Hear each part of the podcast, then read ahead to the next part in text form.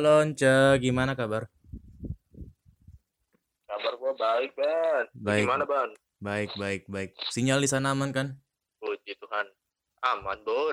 Aman ya. Baterai aman gak nih? Yoi. Hubungan Hmm? aman gak? Di- aman dong, kan gak punya siapa-siapa. Oh iya betul ya sekali ya. Oke deh, mari kita mulai. Tuh.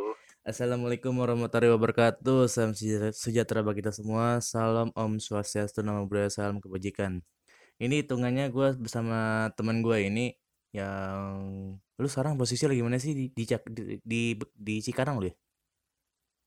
Bekasi di Tambun, Tambun. Oh Tambun ya, oke deh. Nah ini bakal Ya. dua part, satu di podcast anak rantau, satu lagi di podcast enak. Dan ini kita bahas dulu yang tentang Mm-mm. anak rantau dulu ya kan. Nah coba kenalin diri lu cuy. Iya, Lu nama lu siapa, umur lu berapa, eh apa dibilang ya? Lu kan hitungannya rantau kan, rantau buat dapat cuan kan sebelumnya, dapet sebelum lu karena corona gini kan.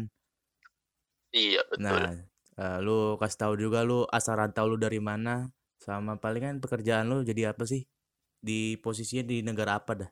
Negara apa dan posisi Oh. lu pas gawe kemarin itu posisinya di apa? Sok. Waktu di tempat silakan. Oh, ah, siap. Eh, kenalin, nama gua Prince Andrew Calvin Tambayong, bisa gue dipanggil Ice. Eh, umur gua tahun ini 23. Terus gue tinggal di Tambun, Bekasi. Terus kemarin gua sebelum kena corona, gue kerja di Amerika Serikat di Napa Valley sebagai seorang cook. Ya, se- seperti itu singkatnya. Hmm, oke. Gue bekerja di restoran, nama restorannya itu Kitchen Door, tetap hampir restoran di Napa County, California, selama kurang lebih setahun. Ya, setahun. Oh, setahun ya. Dari Mei, ya dari Mei, dari Mei 2019 sampai April dua- 2020. Hmm, oke. Eh, ini kita beruntun dulu ya. Coba ceritain dulu dong eh, pengalaman lu pas ngerantau kemarin itu gimana sih awal-awalnya lu dapet pekerjaan yang di Amrik ini? Awalnya ya, sebenarnya awalnya itu iseng. Oh, kan waktu itu habis habis ini kan habis uh, judisium kan, judisium lulus, terus nyari kerja tuh udah melamar sana kemari dalam negeri juga luar negeri sama. Terus ada dari ICC kan uh, internship career center di kampus. Uh, mereka masang apa itu bukan masang sih nawarin ada nih agen di Europe nawarin program internship ke Amerika. Nah namanya itu HRC dan dari situ udah mulailah nanya-nanya kan ke Pak Pangli eh, yang sebagai PIC-nya bis itu udah ngasih pertama itu kita ngasih CV sama fotokopi bukan fotokopi scan paspor. Isi. Nah ntar beberapa hari kemudian si eh, HRC-nya kontak kita langsung. Nah dari sini yang ngurusin selanjutnya itu HRC sama kita yang urusinnya. Nah habis itu kan dapat kita dapat apa itu ya panggilan lah panggilan interview percobaan pertama. Terus si agennya naik ngetes kita ngomongnya bahasa Inggrisnya gimana. Nah si habis itu dia ntar ngobrol eh, kasih saran ke kita kamu harusnya kayak gini gini gini gini gini. Nah setelah itu dia ntar kasih sebuah offer nih kerjaan nih buat kamu nih di daerah sini. Nah lu bisa pilihan lu bisa terima atau bisa ganti yang lain. Nah pas, saat itu gue dapat pilihannya itu si door restoran itu. Si door restoran ya udah gue baca-baca kan apa aja sih kitchen door restoran ini? Mulai dari tempat eh, kapasitasnya berapa makanannya apa menu-menunya apa sampai akomodasinya apa aja. Habis itu setelah gue nggak langsung terima sih dap kalau dapat offerannya. Gue tanya konsultasi dulu kan ke orang tua dulu. Pertama kali ke Amerika kan ke luar negeri juga jauh nah habis itu tiga hari dari offer gue langsung ACC sih. Langsung terima aja. Terus eh, udah dari situ ntar si nya konekin ke restorannya. Ya udah terus konekin interview sama restorannya kurang lebih lima menitan. Ah, setelah menunggu dua hari dua tiga hari diterima. Habis itu udah jika dikasih tahu ke ARC lagi kalau gue diterima habis itu di ini. Eh, dikasih dokumen-dokumen buat visanya nanti. Apa aja sih keperluannya? Kayak asuransi kesehatan, terus uh, surat rekomendasi dan segala macamnya. Nah setelah dari situ udah ntar si HRC ngirim lagi. Kamu boleh uh, apply visa. Nah setelah apply visa kurang lebih prosesnya itu dari dokumen datang sampai sisa selesai itu sebulan lah. Sebulan situ udah deh pesan tiket berangkat. Berangkat dari Soekarno Hatta ke San Francisco. Nah setelah sampai gue itu cuma punya dua hari. Dua hari untuk uh, off habis itu kerja. Gue inget banget gue kerja itu tanggal 1 Mei 2019 Waduh. nah pas kerja itu uh, apa ya kayak orang plong orang plong-plong gitu sih ketemu apa nih apa tuh? Terus langsung dimarahin lagi katanya gue kecepatan datang yang kecepatan 15 menit. Waduh. Gue itu kan iya gue kan kayak cek cekrekannya itu kan di mesinnya kecepatan 15 menit. Ternyata teh nggak boleh kecepatan 15 menit. Minimal itu kecepatan 5 menit. Nah kan mereka hitungnya per jam tuh nah kalau lu kecepatan kecepatan gitu katanya ntar kehitungnya juga ke akumulasinya ntar total. Itu lu sesuai sesuai sama jam kerja lu. Kan lu misalnya gue jam waktu itu gue kerja kudunya harusnya jam 2 jam 2 siang. Tapi gue login jam 1.45 itu gak boleh harusnya. Ke, ke, ke akumulasi ke antarnya ke penutupannya ya. Udah kan? So biar sudah gue ketemu mentor gue namanya Michelle. Udah dari situ gue mulai lah bikin salad dulu kan kan baru pertama kali mulai bikin salad bikin salad terus Nah, gue apesnya tuh datang pas mulai summer musim panas. Kan musim panas orang Amerika libur tuh. Libur hmm. panjang tiga bulanan lah. Hmm. Hmm. Udah rame dong. Gue nggak sempet. Gue harus kudu bukan nggak sempet sih. Harus cepat beradaptasi dong. Iya, dengan iya. kepadatan orang yang datang itu. Wah, satu bulan neraka pertama tuh parah banget dah. Berat. Udah malah nggak ada yang gue salah-salah denger lagi kan. Kan bahas orang kan ngomong cepet tuh kayak pasti beberapa barang itu penyebutannya sama tapi huruf tulisannya beda. Kayak rak sama rak gitu kan RACK sama RAG mereka ngomongnya sama rek. Nah bayangin aja lu lagi si, lagi sibuk terus lu ada orang ngomong kayak gitu terus lu bingung ah yang mana nih yang mana nih? Dua-duanya itu ada barangnya di situ. Hmm. wah kan pusing kan? Iya pusing mm -mm. itu sih yang apa bukan kendala sih. Challenge challenge pertama lah dalam bekerja di Amerika Serikat. Oh iya sama saat gue lupa bilang. Gue itu tinggal di sana itu di kosan kos eh ya kosan gitu. Jadi satu rumah kamar disewain. Oh oke okay, oke. Okay. uh, iya iya. Ya, dan ya, harga lumayan mahal sih.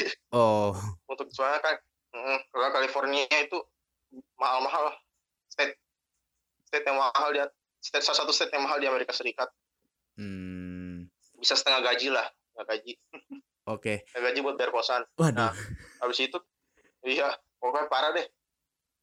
Uh, terus uh, udah kan dari situ bikin salad bulan dua bulan lewat udah mulai terbiasa nih. Biasa. Terus ini juga sih orang Amerika itu aneh-aneh kalau aneh bukan gimana bukan aneh pesanannya aneh kemauannya sih. Mereka pesan ini ada di menu cuma ntar ada catatannya begitu di bawahnya. Tidak boleh ini tidak boleh itu. Alergi ini alergi itu. Uh, waduh. Pusing kepala Barbie pala baby oh oh oh. Enggak pulang bukan pusing para Barbie so. sekarang pusing para KKI aduh moga gue jangan bahas KKI beli gue oh. tidak. Nah uh, mungkin gimana ya? Sebelumnya gue potong dulu yang mengenai proses lu ini. Ya, boleh uh, hitungannya lu pertama-tama udah udah punya paspor belum sih sebelumnya Udah, gue udah punya paspor. Oh, jadi hitungannya Berarti hitungannya cuma ngurusin yang tadi lu bilang kan kayak ngurusin visa, ngurusin berkas-berkas yang lu yang ada disediain yang buat apa pokoknya buat requirement ya, requirement yang di sana iya. nanti ya. Iya, betul sekali, komandan. Ah, uh, kalau saya kan tadi kan minggu pertama jadi hell kan, hell di sana itu sehel-helnya yeah. di sana itu yang tadi lu bilang kan salah satu contohnya yang tadi banyak banget permintaan dari pelanggan yang kayak ada alergi ini, ada alergi ini, ada, ada alergi ini kan atau ya misalnya dihilangin hmm. ini ini ini kan. Nah, selain itu ada lagi nggak?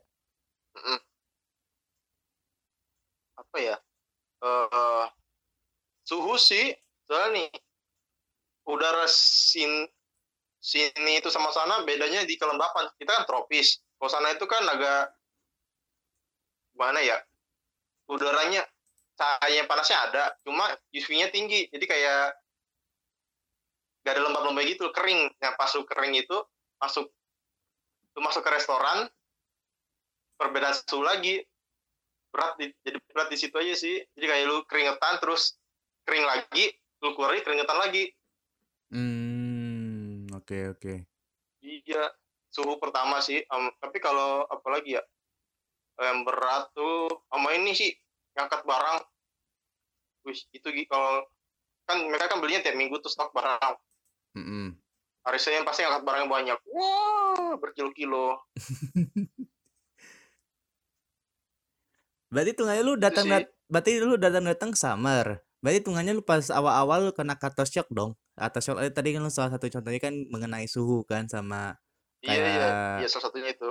sama Mhm. palingan kayak, eee, kayak rasa panik duluan kan yang tadi lu bilang ming datang-datang lu Mhm. bukannya malah bu biasanya kalau orang pertama pertama-tama kali gawe kan bagus kan itu kan datang 15 menit sebelumnya kan, tapi malah lu dimarahin. mhm. Jadi itu kayak culture shock juga kan Iya lu. itu culture-nya juga sih, heeh. Dan juga mungkin kayak tadi lu bilang kan mengenai apa ya dibilang ya, ada required requirement itu kan. Nah, ada lagi nggak sih yang mengenai culture shock lu gitu sama lu gawe di sana? Contohnya dari segi makanan atau mungkin dari segi kulturnya atau mungkin dari segi yang lain-lain gitu? Eee, mereka orang Amerika itu waktu adalah uang ya. Jadi kayak everything itu harus cepat, harus dimaksimalin waktunya. Kayak orang makan kan, orang makan sana itu nggak kayak kita. Kalau kita kan makan nongkrong dulu kan, terus ngobrol-ngobrol. Kalau mereka itu jarang gitu loh, jarang banget makan sambil ngobrol lama gitu. Mereka itu kayak masuk restoran, pesan, maksimal itu 30 menit, udah kelar, mereka keluar lagi.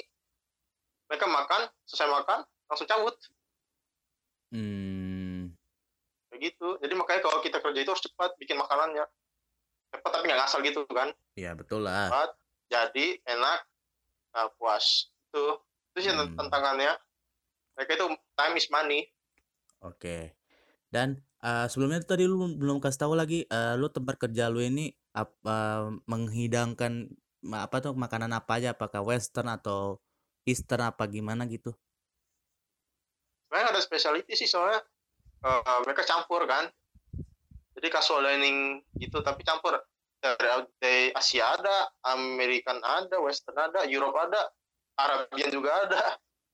Oh, itu Jadi restoran? nggak ada specialty-nya gitu. Oh, nggak ada specialty-nya. Tapi ada bintang-bintangnya nggak sih kalau di tempat lu gawe? Bintang, kalau gue bukan bintang sih jatuhnya, rekomendasi. Rekomendasi Oke. dari ini, dari majalah apa, dari website apa, ini rekomendasinya. Tuh. Mmm, oke oke oke. Berarti hitungannya pas awal-awal lu tadi ceritain sebentar kan mengenai begituan. Nah, palingan kalau mengenai kultur yang lain ada nggak sih contohnya kayak orang Amerika rata-rata kayak kurang bergaul atau mungkin kayak orang Amerika kayak friendly gitu, kalau misalnya di sudut pandang lu gini? Orang Amerika itu friendly menurut gue, ya mereka kayak mau kenalan aja sama orang baru. As long as lu nggak ganggu kehidupan privasi dia mah, mereka oke-oke aja. Mereka friendly Mmm. kok, friendly banget. Sering ngajak main gitu, ngajak makan. Ini mas ini maksudnya kita ya sebelumnya sebelumnya gua kasih tahu dulu pada kalian ini cerita dia ini di luar dari sekarang-sekarang ini kan, sekarang ini kan Amerika kan lagi rusuh banget kan you you know lah ya. Iya iya iya. Eee, mengenai Iya. rasisme, mengenai apa-apa, makanya biar gua clear-in gitu maksudnya. Soalnya kan tadi kan Iya gua iya juga betul sempat, eee, sempat gimana ya, takut takut aja sih kalau misalnya lu pengen bahas tentang rasisme, tapi kalau misalnya lu mau berani-berani aja ya sok aja gitu. Bahas rasisme, gue sih nggak nggak punya hak untuk membahas menilai rasisme ya di Amerika. Soalnya kalau selama gue hidup di sana, ad di khususnya daerah gue ya, nggak ada nggak ada itu kasus rasisme di situ. Mmm, tapi ada nggak sih kayak kasus penembakan sih. Waduh, tapi maksud tapi, eee, ada nggak sih kayak karyawan-karyawan atau staf di sana yang emang, eee, berada atau mungkin kayak ber berwarna kulit gelap lah ya? Ada nggak di sana? Ada, Ada. ada. Sebenarnya restoran gue itu multicultural tau. Oh. Ada orang hitam, ada orang Latin, ada orang Asia, itu gua, ada orang apa lagi ya? Orang Turki, orang Europe. Jadi banyak itu. Hmm, oke oke oke. Gue kira justru kayak restoran yang lu gawain ini emang maybe rata-rata orang Amrik semua gitu. Baik yang kayak contohnya kayak Kanada atau mungkin kayak Meksiko, pesisir-pesisir Amerika sana lah gitu lah. Oh, nah ya baru lu mention ya Kanada. Owner gue itu orang Kanada. Oh, benernya justru Kanada. Oke oke paham. Dia paham. ownernya Kanada, terus staffnya ada staffnya campuran. Jadi kayak mix culture gitu restoran gue. Jadi kayak seneng juga, seneng gitu juga. Gue. Hmm. Berarti hitungannya lu udah bisa bahasa apa nih kalau boleh tahu? ¿Cómo estás? Muy bien, gracias. Template Gue bahasa sekali. Spanish dikit. Template sekali ya. Iya, saya sa- orang Latino sana agak di restoran gue lumayan banyak. Hmm, oke oke paham paham. Nah, Ya. mengenai kultur tadi udah ceritain kan lu bahas uh, culture shock. Lu ada nggak sih? Ini biasanya pertanyaan biasanya gua sering ngelontarkan kepada anak-anak rantau pada yang lain enggak lu doang. Lu pernah nggak sih ada Apa kondisi di mana lu tanggal tua? Tanggal tua. Kalau gue sih, kalau gue pribadi sih, gue nggak ada kendala sama tanggal tua. Tapi lu pernah mengalami Karena kan? sistem gue, kalau di Amerika nggak, kalau di Indonesia iya sih. Soalnya sistem gajinya bukan per bulan kan, jadi sistem gaji itu per dua minggu. Jadi kayak gue bisa atur gitu. Jadi kayak dua minggu dua minggu gaji pertama itu gue khususin buat bayar kosan. Nah, do, gaji dua minggu selanjutnya itu gue gue simpen. jadi kayak- Hmm, Katur gitu, enak enak aturnya. Iya sih. Apalagi hitungannya lu sistem per gaji itu per jam kan, bukannya kayak orang Iya, Indonesia pada oh iya, umumnya kan iya, pada iya. per Gaji hari per kan. jam. Hmm. Iya. Eh tapi lu sama di Amrik, lu pernah jalan-jalan gak sih? Apa cuman kayak tagline Jokowi, kerja-kerja kerja doang? ada kalau gue ada waktu luang yang agak panjang sih menurut gue gue sering keluar kok sering ke kota kayak San Francisco terus ke ibu kota Sacramento terus keluar Napa Valley kayak ke Fairfield gitu gue sering. Hmm. yang penting gue nyari ada kendaraan aja itu sih intinya. Kan kendaraan sana kan jalannya dua kendaraan pribadi sama umum. Nah umum itu kan jarang harus kayak gimana ya harus berantai gitu sih nyambung nyambung nah kadang kadang-kadang gue ini nah, nungguin temen. Kadang-kadang kan staff ada yang pengen ke luar kota juga gue bareng lah itu nebeng. Hmm. Tapi lu apa ya? eh lu pernah ke, maksudnya sama lu di Amerika lu udah pernah ke mana-mana? Contohnya kayak lu pernah ke lantai yang ada bintang-bintangnya, gue lupa lagi apa namanya anjir.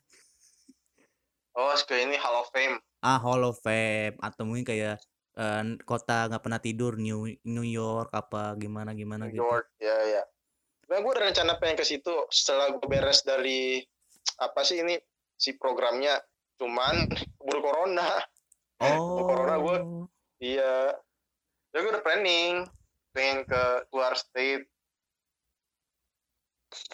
Hmm, tapi tuh ke destinasi karena corona jadi iya. jadi deh Tapi lu ke destinasi tempat apa ceritanya? Kayak lu pernah ke eh pegunungan atau ke pantai atau mungkin kayak cuman ke museum-museum doang kayak gitu-gitu sama di Amerika. most mostly gue ke landmark sih jatuhnya namanya landmark landmark itu bisa museum bisa taman bisa monumen Hmm, kayak Tapi- gitu. tapi di sana kalau landmark itu kita kita kesampingin dulu kayak taman kan. Nah, itu biasanya kalau Hmm. landmark di sana itu rata-rata berbayar atau gratis sih? mostly gratis Oh, pantesan. tapi bagus lah emang landmarknya itu kayak patut dikunjungin Oh, contohnya gimana nih? Kayak apa ya eh Golden Gates kan Golden Golden Gate itu kan jembatan ikonik San Francisco itu free. Oke. ya ya terus eh, monumen 911 monumen peringatan 911 di Napa Valley di kota gua ada. Oh, itu gratis terus apa lagi ya? Monumen aduh gue lupa lagi namanya. Oh ini aja China em, Asian Museum di San Francisco. Jadi museum tentang orang-orang Asia di Amerika. Hmm.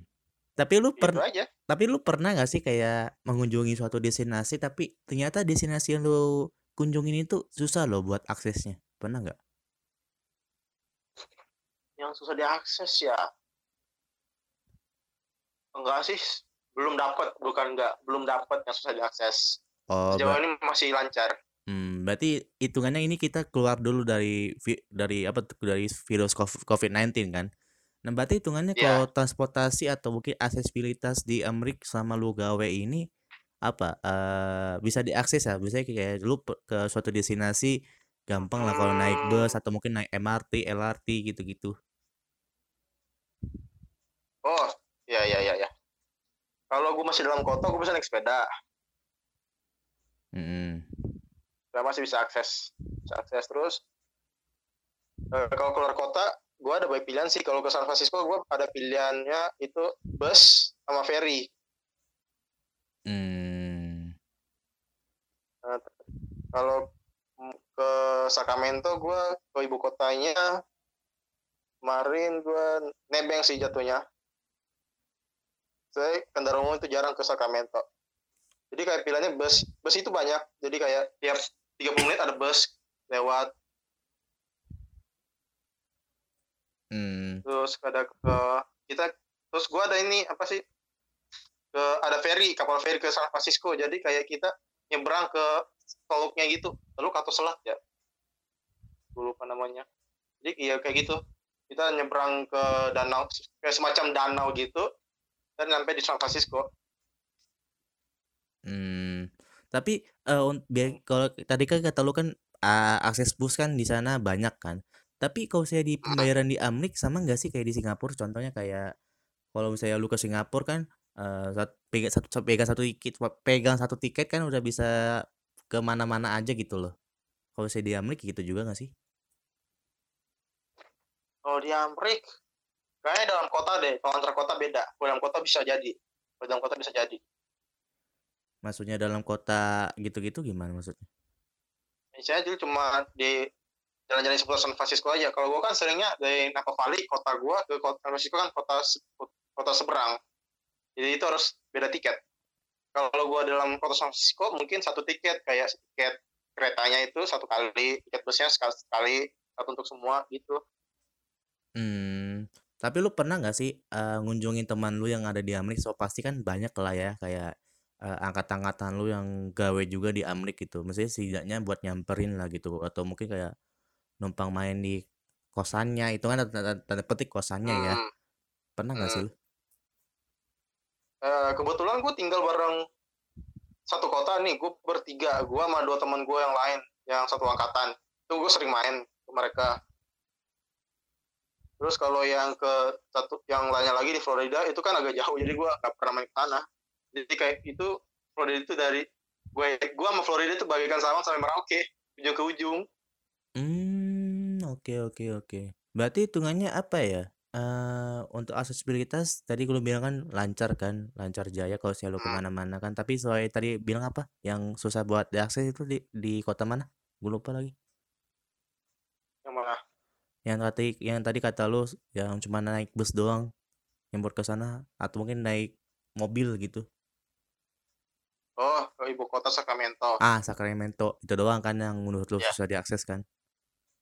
menurut gua sih bukannya men- mungkin gua belum menemukan jalur eh jalan yang lain, cuma sejauh itu sejauh ini masih itu yang gua tahu, jadi agak lumayan susah. Mungkin ada kereta tapi gua nggak dapat, Hmm, oke oke oke. bisa jadi. Nah, tadi untuk aksesibilitas tadi lu udah bahas. Nah, sekarang mengenai makanan. Hmm? Tapi kalau misalnya makanan yang di Amrik ini tesnya sesuai dengan sesuai nggak sih dengan lidah lu? Apa kayak lu harus butuh nasi gitu buat makanan yang lain gitu? Contohnya lu makan pizza harus pakai nasi apa gimana gimana gitu?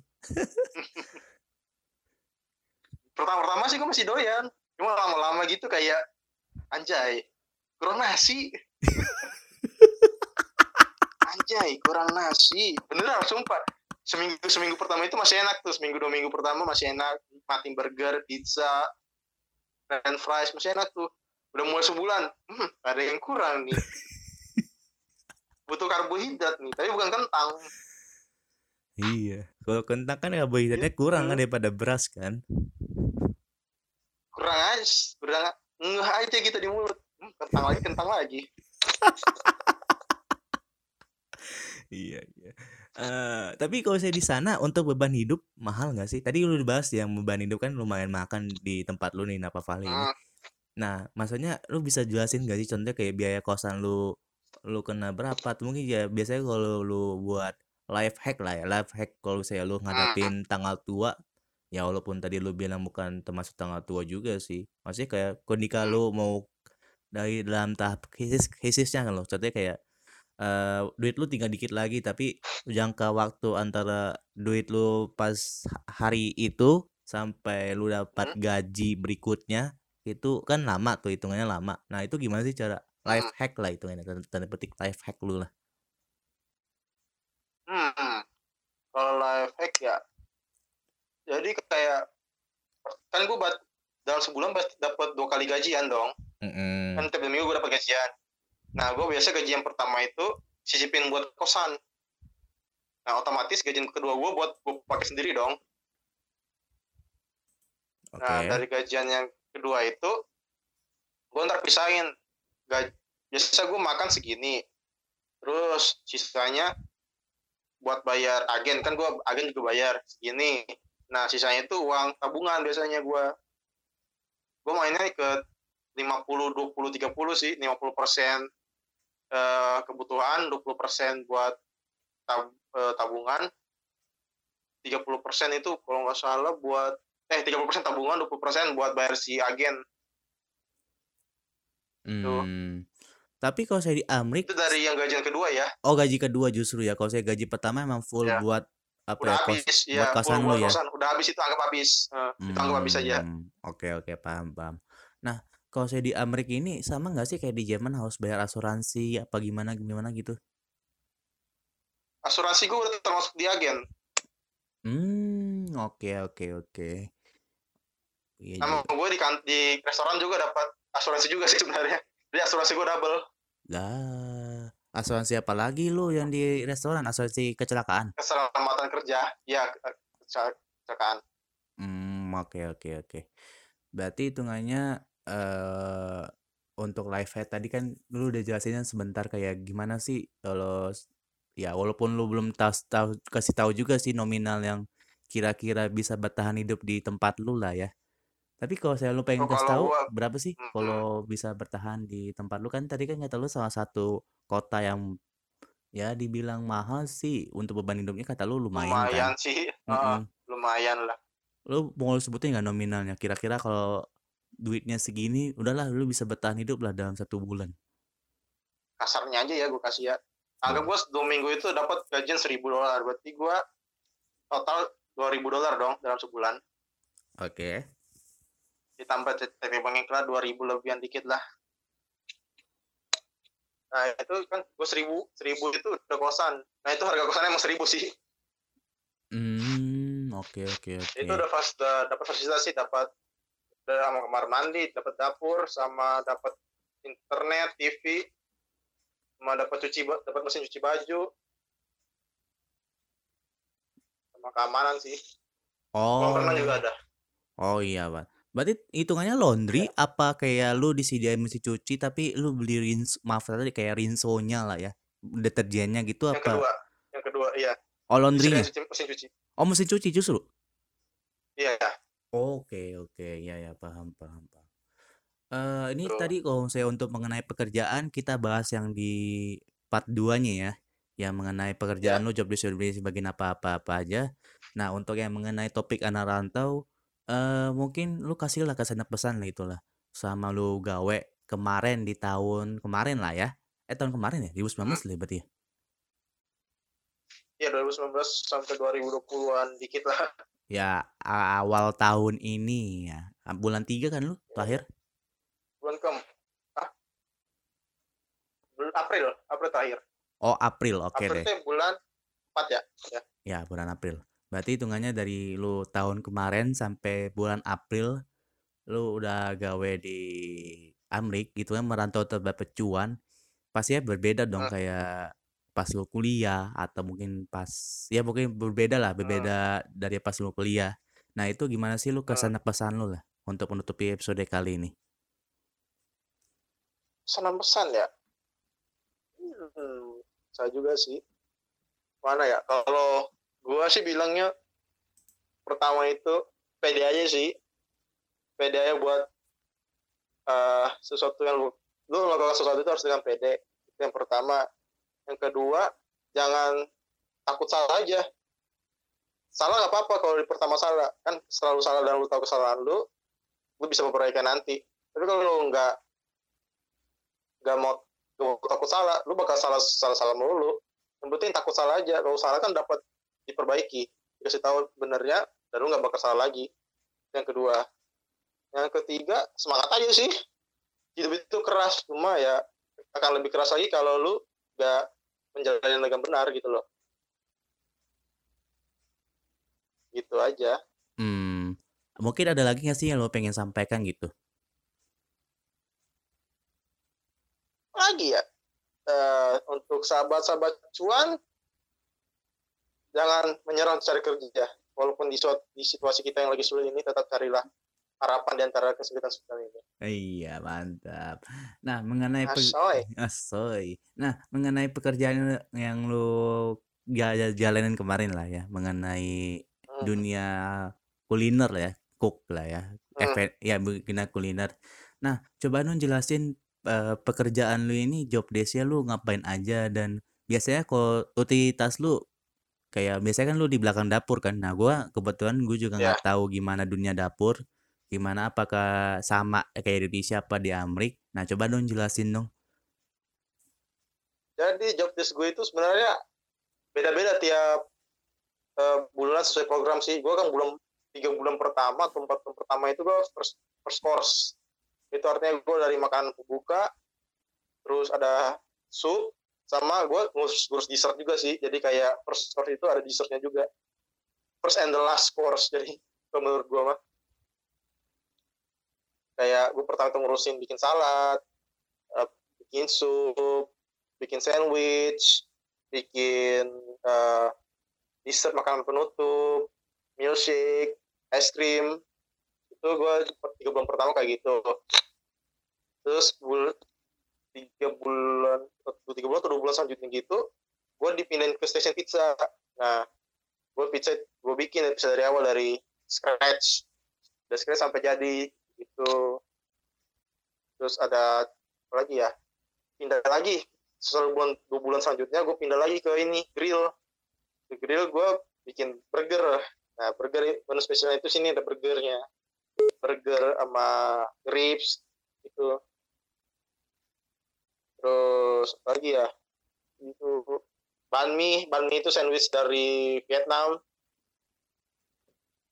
Setelah gue dari grill gue pindah ke saute section terakhir dari program gue gue bikin nasi goreng di situ bikin french fries di situ bikin eh, pasta di situ. Nah itu juga sukses gue di situ sih. Terus di, di belakangnya lagi kan ada namanya back kitchen. Itu gue kerja di front kitchen. Back kitchen ada lagi kayak eh, bikin stok bikin kaldu bikin apa sih? Chicken wing bumbu bumbuin chicken wing. Seperti itulah kasarnya Hmm, tapi selama lu sama tiap malam gue harus bikin list. Hmm, list apa itu? list inventory. Jadi gue kayak tiap hari itu harus cek habis berapa habisnya berapa sisanya begitu. Hmm, selama lu gawe di sana, lu pernah ngehand, maksudnya kayak lu job desk lu pasti kan berbeda-beda kan, gak di satu section do session doang kan. iya. Nah, coba dong jelasin kalau saya lu eh, pernah gawe di session mana dan kira-kira pekerjaan lu kemarin itu lu ngelakuin apa aja sih?